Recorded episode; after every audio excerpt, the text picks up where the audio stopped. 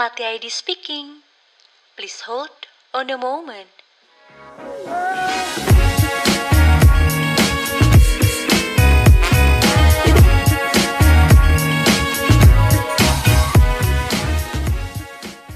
Halo listeners, welcome to Latte ID Speaking bersama aku Nada yang akan nemenin kalian di sepanjang episode kali ini.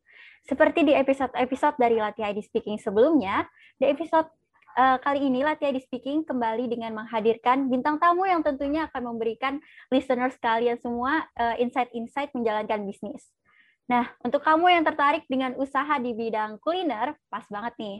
Karena bintang tamu kali ini merupakan pemilik dari restoran dimsum terfavorit se-Jogja.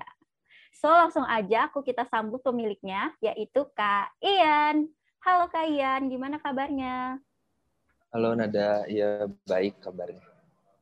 Iya, sebelum uh, kita bincang-bincang tadi, sibuk nggak sih, Kak?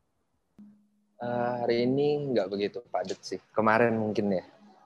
Oh iya, untungnya nggak begitu padat ya. Jadi kita, uh, Kakak ada waktu untuk ke kita. Makasih banget loh, Kak, udah mau datang. Iya, sama-sama. Iya, nah uh, listeners, jadi Kak Ian ini merupakan pemilik dari restoran dimsum bernama Tiger Sprung yang berlokasi di Yogyakarta. Nah, mungkin listeners sudah mulai penasaran nih Kak seputar bisnis yang Kakak jalankan. Uh, jadi kita gimana kalau langsung aja masuk ke segmen Bisik Tangis. Bisik Tangis. Bincang asik seputar bisnis. Oke. Okay. Oke, okay, mungkin ada listeners nih Kak yang belum tahu uh, seputar Tiger Sprung. Boleh nggak sih dijelasin lebih lengkapnya lagi Tiger Sprung itu? Oke, okay, jadi Tiger Sprung itu adalah sebuah restoran yang basisnya itu uh, berdiri di bidang kuliner mm-hmm. yang menjual produk utamanya itu dimsum, mm-hmm. makanan khas Chinese. Mm-hmm. Selain dimsum, kita juga nyediain produk-produk Chinese lainnya.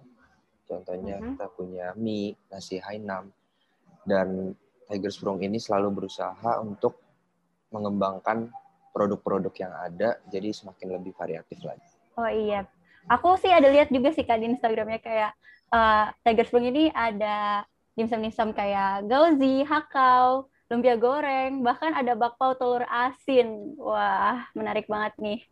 Iya, jadi Kak, aku dengar-dengar uh, Tiger Sprung ini juga ngeluarin dimsum versi frozennya. Nah, boleh nggak sih Kak diceritain uh, lagi gimana sih, eh, kenapa sih tiba-tiba kepikiran buat jual dimsum yang frozen? Oke, aku ceritain dari awal ya. Dari pertama Tiger Sprung itu berdiri. Jadi pertama idenya itu di bulan November 2019, aku bersama partner aku, jadi kami bertiga memutuskan untuk buka dimsum shop di Jogja. Salah satu kota pelajar yang marketnya lumayan luas. Nah, di sana kita memutuskan uh, untuk mulai bangun di bulan Januari, cuman karena adanya pandemi mm-hmm. uh, di bulan Maret terpaksa pembangunan terhenti.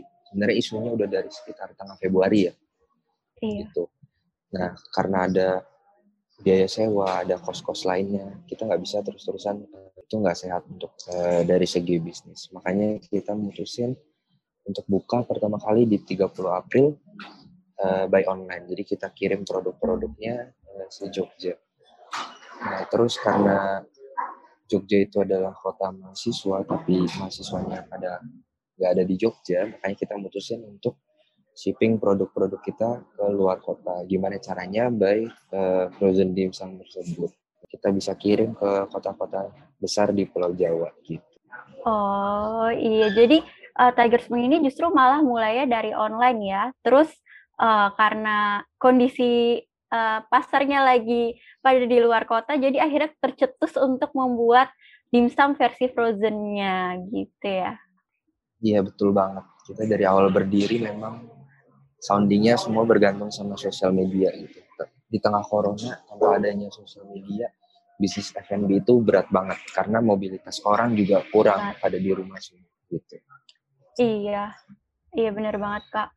Nah, terus kalau tadi kan kakak bilang uh, Tiger Sprung ini uh, akhirnya fokusnya di Instagram gitu. Terus aku lihat tuh Instagramnya Tiger Sprung.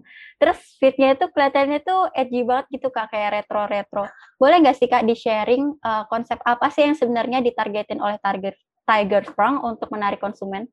Oke, jadi sebenarnya konsep utamanya memang kita mau bikin ala-ala retro Chinese Mhm, seperti itu. Kenapa? Karena dulu pertama kali kita bangun masih jarang banget yang ada gitu loh. Terutama di market Jogja. Eh, meskipun eh, belakangan ini udah lumayan banyak juga yang ngambil tema retro Chinese. Kenapa Mhm. unik banget kita bisa kolaborasiin konten-konten retro Chinese dengan komedi-komedi gitu. Jadi Hmm. banyak kalau yang ada tahu eh, coffee shop itu kebanyakan ngambil temanya yang estetik, cantik segala macam. Oh, oh, oh, benar. Sebenarnya cara cara buat stand out itu ada dua. Kalau kamu nggak bagus sekalian, ya udah berantakan sekalian, benar-benar jelek, benar-benar ya selengean gitu loh. Oh, oh, oh. Gitu. Saya milih jalur yang selengean itu. Oke, oh jadi eh, Tiger Sprung ini akhirnya lebih memilih untuk menggunakan komedi ya daripada maksudnya lebih lebih ya udah dikomediin aja sekalian gitu si marketingnya. Iya benar, karena cara untuk kita nge-market marketing itu menurut saya jangan tanggung-tanggung. Kalau teman-teman pengen estetik, estetik sekalian. Kalau pengen selengean, ya silakan selengean sekalian gitu. Oh gitu. Oke Kak, jadi kalau konsepnya si Tiger Sprung ini eh, akhirnya memutuskan untuk eh, retro-retro Chinese gitu dengan eh, komedi yang ya udah dikomediin aja gitu. Iya benar. Kita mutusin untuk ngambil tema retro Chinese karena masih sangat jarang banget, terutama di Jogja. Nah terus kenapa kita banyak ngambil konten yang selengean, komedi, karena menurut saya di estetik segala macam. Nah, cara untuk kalian kalau mau ngawur selengean selengean sekalian, jangan nanggung-nanggung gitu. Tapi Kak kalau kayak gitu konsepnya sesuai nggak sih dengan target pasar yang Kakak inginkan? Oke, untuk target pasar itu sebenarnya sesuai anak mudanya dapet. Tapi ada yang unik di corona ini, di pandemi ini, ketika Mm-mm. kita mau nge-branding menyasar anak muda, tapi malah yang datang itu ternyata adalah keluarga gitu loh. Bukan hal yang buruk juga, tapi unik market kita jadi eh, lumayan tersebar gitu konsumen. Iya, jadi makin luas ya justru. Iya, malah jadi makin luas. Kita tetap branding dengan gaya anak muda, anak muda tetap datang. Terus untuk yang tipe keluarga, kita nggak perlu naruh effort lebih untuk branding gitu. Iya, mungkin karena eh, ini sendiri Tiger Spoon ini sendiri udah restoran dimsum gitu kan dan pasti memang biasanya umumnya eh, keluarga-keluarga gitu yang makan bareng. Iya benar. Dan ketika kamu narik anak muda, mereka kan juga pasti punya keluarga ya. Mereka makan cocok, udah pasti ngajak keluarganya. Ketika makan sama keluarga, beda. Anak Mm. muda itu uh, konsumsinya pasti nggak gitu mikir karena mereka kenapa dibayarin sama orang tuanya. Mm-mm. Terus kak kalau eh, kan ini tadinya target pasarnya anak muda, terus jadinya keluarga dan jadi semakin luas. Kak Ian sendiri akhirnya merancang produk Tiger Spoon ini tuh gimana sih biar eh, biar menarik gitu? Eh, maksudnya mungkin lebih apa sih yang kakak eh, akhirnya tonjolin banget gitu? Iya jadi kak, iya jadi kak eh, kan Tiger Spoon ini akhirnya pasarnya semakin luas gitu. Terus gimana sih eh, Kak Ian merancang produknya supaya eh, sampai gitu ke konsumennya yang luas ini? Oke, jadi kenapa? Pertama berangkat dari kenapa saya milih uh, di bisnis F&B ya. Mm-mm. Oke, uh, di bisnis F&B itu adalah salah satu bisnis sektornya yang defensif. Kenapa? Ketika ada krisis ekonomi atau apa, orang-orang tetap butuh makan gitu. Defensif. Pengecualian kejadiannya itu pandemi ini. Orang jadi lebih memilih masak di rumah gitu. loh. Mhm. Tapi in general, uh, F&B itu adalah sebuah bisnis yang defensif gitu. Nah, untuk masuk pertama kali menciptakan sebuah produk yang bisa dinikmati oleh banyak konsumen dan bisa semakin besar. Tips nomor satunya adalah produk yang kalian jual mengenai rasa. F&B itu lagi-lagi selalu mengenai rasa. Mau kalian jualan barang apa pun, kalau rasanya udah nggak enak, orang mungkin dari tampilan enak, tapi ketika dia sekali nyoba makan, terus dia udah nggak cocok, ya udah dia nggak bakal balik lagi. Jadi nomor satu itu mengenai rasa Hmm. penting banget eh, di dunia kuliner kamu ngetahuin rasa dari produk kamu apakah bisa enak sehingga orang bisa belanja lagi atau enggak gitu loh Itu tahap Mm-mm. satu dari yang namanya bergerak di bisnis F&B. Terus selanjutnya selain rasa ada service atau pelayanan. Di dunia F&B juga kembali ke pelayanan kepada konsumen kalian. Kalau kalian nggak bisa nge-treat konsumen kalian dengan baik, maka konsumen kalian jadi males untuk datang lagi ke kalian. Meskipun makanan kalian enak, tapi kalau pelayanan kalian buruk, itu uh, very big no gitu. Terus yang selanjutnya dari segi harga. Kalian harus bisa benar-benar nyeting, terutama di Jogja ini, yang Hmm. mahasiswa dan harganya tinggi, itu penting banget untuk nyeting harga sesuai dengan kemampuan membeli dari konsumen kalian. Iya, bener banget sih, Kak. Jadi ya, listeners, eh, bisa dicatat yang apa Kak Ian tadi bilang, kalau misalnya itu di F&B ini paling penting banget soal rasa. Terus, eh, pokoknya rasa mengalahkan eh, itu deh visualnya. Nah, terus yang kedua juga harganya. Karena apalagi yang di Jogja tadi ya, kata Kak Ian, eh, kalau di Jogja itu eh, karena pasarnya pela- pelajar gitu mahasiswa, jadinya memang harga yang terjangkau itu lebih di diminati gitu, lebih kena ke pasarnya. Mm-mm.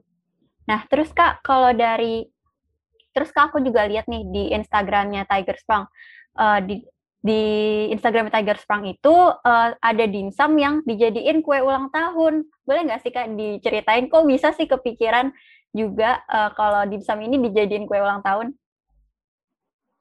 Iya, jadi itu pertama sebenarnya kue ulang tahun itu memang udah ada sebelumnya di Mm-mm. restoran-restoran Chinese. Tapi jarang banget eh, untuk dirilis dan dijual secara by order gitu. Semua berawal ketika dari ada salah satu pelanggan Mm. kontak eh, saya melalui Instagram, "Kak, bisa Iya. nggak bikinin eh, kue ulang tahun dari dimsum? Dia ngasih contoh, misalnya siomay ditumpuk-tumpuk segala macem. Heeh. Tapi ketika saya ngulik-ngulik kok kayaknya ada yang lebih menarik lagi gitu loh. Akhirnya saya bikin versi bakpao untuk yang kue ulang tahun tersebut. Dan reaksinya memang positif banget dari pasar gitu. Iya, terus Jadi, itu penting jadi banget. akhirnya pada mesen gitu ya? Hmm, penting banget em, untuk nerima masukan dari siapa pun gitu loh. Kadang konsumen kita malah bantu kita buat berkembang gitu. Tuh, bisa dicatat tuh guys. Jadi tuh kadang tuh ide tuh bisa datang dari konsumen bahkan. Jadi ya terbuka aja lah gitu. Oke, jadi Kak, eh, mungkin suasananya ini eh, biar nggak jenuh-jenuh banget. Jadi kita freshen up our mind aja dulu ya dengan masuk ke segmen Gemuy. Gemuy, game santuy. Nah, tapi Kak, sebelum kita mulai gamesnya nih, aku mau ngundang dulu game master kita supaya bisa ngasih tahu kita gimana rules dan cara main gamenya. Game master, may you come in? Halo, Kak Ian dan Nada. Udah siap belum nih Halo. buat main games? Halo. Siap dong. Siap, siap. Kita refreshing dulu ya, jadi main game di tengah-tengah eh, diskusi kita yang lagi asik banget nih. Oke, aku bakal kasih tahu nama gamesnya itu adalah 5 second 5 word. Udah pada tahu belum nih Oh. kira-kira? Belum, belum, belum. Gimana tuh? Oke, jadi rules-nya ini akan dimainkan oleh dua orang, ya- yaitu oleh Kak Ian dan oleh Nada. Permainan ini akan terdiri dari enam pertanyaan, masing-masing akan mendapatkan tiga pertanyaan. Dan setiap pertanyaan dalam permainan ini akan dimainkan selama lima detik. Kalau misalkan dalam lima detik nggak bisa nyebutin eh, lima kata yang berhubungan dengan eh, tema yang aku kasih, maka hitungannya kalian akan gagal. Gimana? Oh. Udah cukup nangkep belum nih kira-kira? Aku Gimana kasih contoh kan? Kak Ian? Contohnya kayak misalkan Boleh. eh, aku bilang sarapan. Nah, kalian harus sebutin lima kata yang berhubungan dengan sarapan. Kayak contohnya telur, susu, roti, eh, bubur, dan lain-lain. Kayak gitu selama lima detik. Iya. Oke, udah siap? Oh, paham, paham, paham, paham. Siap, siap. Eh, mungkin boleh dimulai dulu kak ya dari nada. Oke, oke. Aku dulu ya yang mulai. buat kaliannya. Oke. Eh, yang pertama adalah platform jualan online. Gimana nada siap? Oke, aku siap. Dimulai dari sekarang. Satu, Em, Shopee, dua, Tokopedia, eh, empat, Lazada, lima. aku Oke, belum waktunya habis. lima ya. Iya, waktunya habis. Kamu cuma jawab dari pertanyaan tadi kamu cuma bisa jawab 4 dari dari 5 dan kamu cuma dapat 75 poin nih. Nah, mungkin di pertanyaan selanjutnya kalian bisa nyusul sih. Harusnya bisa nyusul biar dapat uh, hadiah nih dari Latih ID karena nanti di di akhir akan ada akan ada hadiah dari Latih ID. Oke, Kak Ian. Yang kedua adalah startup unicorn di Indonesia. Gimana Kak udah siap? Dimulai dari sekarang. Satu, dua. Tokopedia, Traveloka, Grab, Gojek. Bukalapak. Oke, Kak, waktunya udah habis. Jadi Kak Ian poinnya 100 nih. Dan Nada Wah. poinnya 75. Oke, Nada, kamu bisa Oke. Kak Ian nih di pertanyaan selanjutnya. Masih ada beberapa pertanyaan lagi. Oke, Oke, oke. pertanyaan Aku ketiga untuk Nada. Lima hal yang ha- yang kamu bawa kalau kamu pergi ke pantai. Udah siap, Nada? Oke, siap. Oke, dimulai dari sekarang. Satu, Um, sunblock, sandal, um, Empat. handuk, lima. baju, Ya. baju. Menyelesaikan lagi sampai lima. Kamu baru jawab setengahnya lagi. Kayak kamu next harus lebih cepat nih, biar nyusul Oke, poinnya. oke, Kak aku harus lebih cepat. Oke, kamu poinnya jadi 50, tadi 75 dan 50. Pertanyaan keempat untuk kalian. 5 makanan yang menggunakan telur dalam proses pembuatannya. Oke, mikir dulu. Udah siap kalian? Kita mikir dulu. Gak apa-apa, Kak. Mikir dulu aja nih, biar tetap menang dan dapat hadiah dari Latih ID. Ya, dicoba lah. Oke. Oke. Dimulai dari sekarang. Satu, dua, tiga, empat, lima. Oke, Kak Ian kayaknya eh, sinyalnya hilang. Kak Ian suaranya Oh. hilang. Jadi belum Ih, ngejawab ih, ih. apa-apa nih. Oke, nggak apa-apa Kak Ian, udah segitu cukup. Mungkin poinnya tadi karena tersendat dikit nih, jadi waktunya keburu habis. Poinnya 50 nih untuk Kak Ian. Oke, jadi poinnya lumayan berdekatan nih, nada eh, 120 dan Kak Ian 150. Pertanyaan kelima untuk Nada. Eh, lima starter pack memulai bisnis. Gimana Nada, udah siap? Wah, oke oke. Oke. Eh, kalau udah siap, dimulai dari sekarang. Satu, Hmm. dua, BMC, Tiga. eh, maksudnya bisnis model canvas, terus Lima. Ya, kamu cuma bisa jawab satu. Sayang iya, banget. Harusnya bisa menyusul, tapi ah, ini kalau kayak gini, Kak Ian udah pasti menang nih kayaknya. Oke, Kak Ian, nih sekarang pertanyaan terakhir. Karena sebenarnya kayaknya Kak Ian udah pasti menang nih dibandingin Nada. Uh, Pertanyaan terakhir adalah 5 tren makanan favorit di 2021. Oke, mikir dulu. Oke, udah. Eh, kalau udah siap, bisa dimulai dari sekarang. Satu, dua, Kopi susu. tiga, Terus kayaknya Empat. lima. Iya, Kak. Sayang banget nih waktunya habis. Padahal harusnya bisa bisa menyusul ya. ada nih. Jadi siapa nih pemenangnya? Pemenangnya Nada, tapi tenang aja nih, Kak Ian bakal tetap dapat souvenir dari Latih ID yang nantinya bakal dikirimin ke alamatnya Kak Ian. Oke, Yeay. kurang lebih kayak gitu. Yang kali ini aku balikin lagi ke Nada. Selamat Kak Ian dan Iya, Nada. terima kasih Game Master. Iya, makasih juga. Bye-bye.